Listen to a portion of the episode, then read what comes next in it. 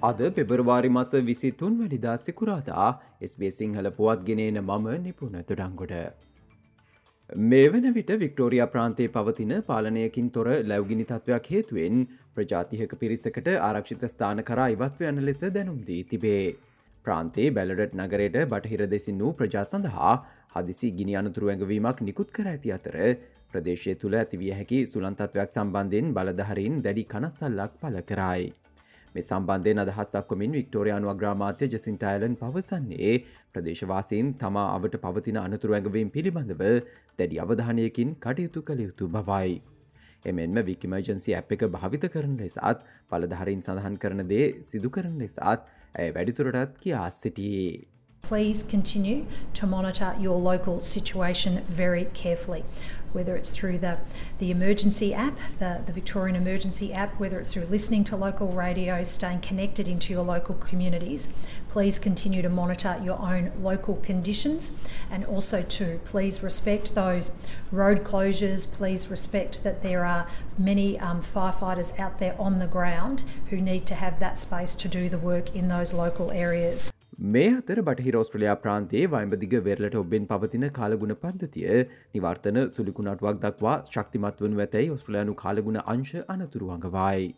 කාලගුණ විද්‍යා කාරයංශය කියා සිටින්නේ එය යම්දුරකට දුරුවල තත්වයකින් හෙටදිනේදී බටහිරෝස්ට්‍රලයාාවේ කොරල්බේ ප්‍රදේශයෙන් ගොඩබිමට ඇතුල් වනු ඇති බවයි. ලේජනාරිස් නම් රෝගී තත්වයක් සම්බන්ධයෙන් නිවසත්වල්ස් ප්‍රාන්ත සෞඛ්‍ය බලධහරින් අනතුරුවන්ගවා සිටී. මෙම රෝගේ රෝගලක්ෂණ පිළිබඳව අවධානයෙන් සිටින ලෙස බලධහරින් පවසන අතර පසුගේ දින දහය තුළ නිවසත්වල්ස් ප්‍රාන්තයේ කැම්පඩවන්හි වික්ටෝරයා පාක් ප්‍රදේශයේ සිටි ඕනෑමයකුට මෙම රෝගලක්ෂණ වර්ධනය විය හැකි බවත් ඔවුන් පවසයි. වර්ක් ෆ්‍රම් හෝමෙවත් නිවසේ සිට රැකයා සිදු කිරීමේ විකල්පය සැලකිය යුතු ලෙස ප්‍රතිලාබ ගෙන දෙන බව නවතම වාර්තාවක් හෙළිකොට තිබේ. මේ විශේෂෙන්ම කුඩා දරුවන් සිටින මව්වරුන් හට සහ විවිධ ආබාධ සහිත පිරිස් සඳහා වැඩි සහයක් ලබා දෙන බව මෙම නව ඔස්ට්‍රලයානු ආර්ථික සංවර්ධන කමිටු වාර්තාව පෙන්වාදෙයි. work from home විකල්පය හේතුවෙන් දෙදහස් විස්ස වසරේ සිට සැලකිතු වෘතීන් සඳහා මෙම කණ්ඩායම් දෙකට අදාළ වන සේවක බඳවා ගැනීම් විශාල සංඛ්‍යාවක් සිදුව ඇතැයිද වාර්තාවේ. ඕස්ට්‍රලයාාවේ දේපලක් මිලදී ගැනීම සඳහා වන ප්‍රවේශ මට්ටමේ සියට විස්සක තැන්පතුවක් ඉදිරි කිරීමට අවශ්‍ය වන සාමාන්‍ය කාලය පහත වැටි ඇති බව හෙළිව තිබේ. මේ අනුව පළමු නිවස මිලදී ගැනීම සඳහා බලාපොරොත්තු වන යුවලක් සඳහා මෙම මුදල ඉතිරි කිරීමට යන කාලය සාමාන්‍යෙන් වසර හතරයි මාස නවයක් වන බව ඩොමෙන් රියල් ස්ටේට් පවසයි. එය මින් පෙර පැවති කාලයට වඩා මාස දෙකක අඩුවීමක් වේ. ඩොමෙන් රියල් ස්ටේට් හි ප්‍රධාන ආර්ථික විද්‍යාඥ නිකොලා පවෙල් පවසන්නේ එය ඉතුරුම් ගිනුම් සඳහාවන ඉහළ පොලි අනුපාත හේතුවෙන් සිදුව ඇති බවයි. කෙසේ නමුත් මේ අභිහෝගාත්මක කාලයක් වන අතර ජීවන වියදම් අර්බුදය සහ ඉහළ කුලි අනුපාතද මෙම ඉතුරුම් සඳහා දැඩි බලපෑම් මෙල්ල කරන බව නිකොලා වැඩිතුරටත් කියා සිටියේ.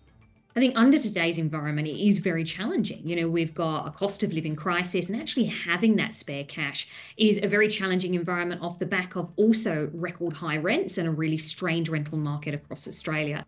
ශ්‍රී ලංකාවෙන් වාර්තාාවන පුවත් අද මෞබිමින් පුවත් විශේෂාන්ගෙන් බලාපොරොත්තුවන්න. විකිලෙක්ස් නිර්මාතෘ ජුලියන් අසාංච් සම්බන්ධයෙන් එක්සත් රාජධානය වූ දින දෙකක නඩු විභාගය මේ වන විට අවසන් වී තිබේ. මේ සමග ජුලියන් අසාංච් ඇමරිකාවට යළි පිටුහල් කරන්නේ දෙයන්න සම්බන්ධයෙන් උසාවිය තීරණය කිරීම සිදු කරයි. ඔහු මේ සම්බන්ධයෙන් ඉදිරිපත් කළ අභිහාචනය පරාජය වූ හෝත් ජුලියන් අසාංජ් හට ඔත්තු බැලීමේ පනතයටතේ නඩු පැවරීම සිදුවන අතර ඇමරිකානු රහසිගත මිලිටරි වාර්තා හෙළි කිරීම මත ඔහුට වසර එකසේ හැත්ත පහක සිරදනුවමක් පැනවී හැකි බවත් වාර්තාවේ. මේ පිළිබඳව සහ තවත් විදෙස්තොරතුරු අද ලොවට විශේෂන්ගෙන් බලාපොරොත්තු වන්න.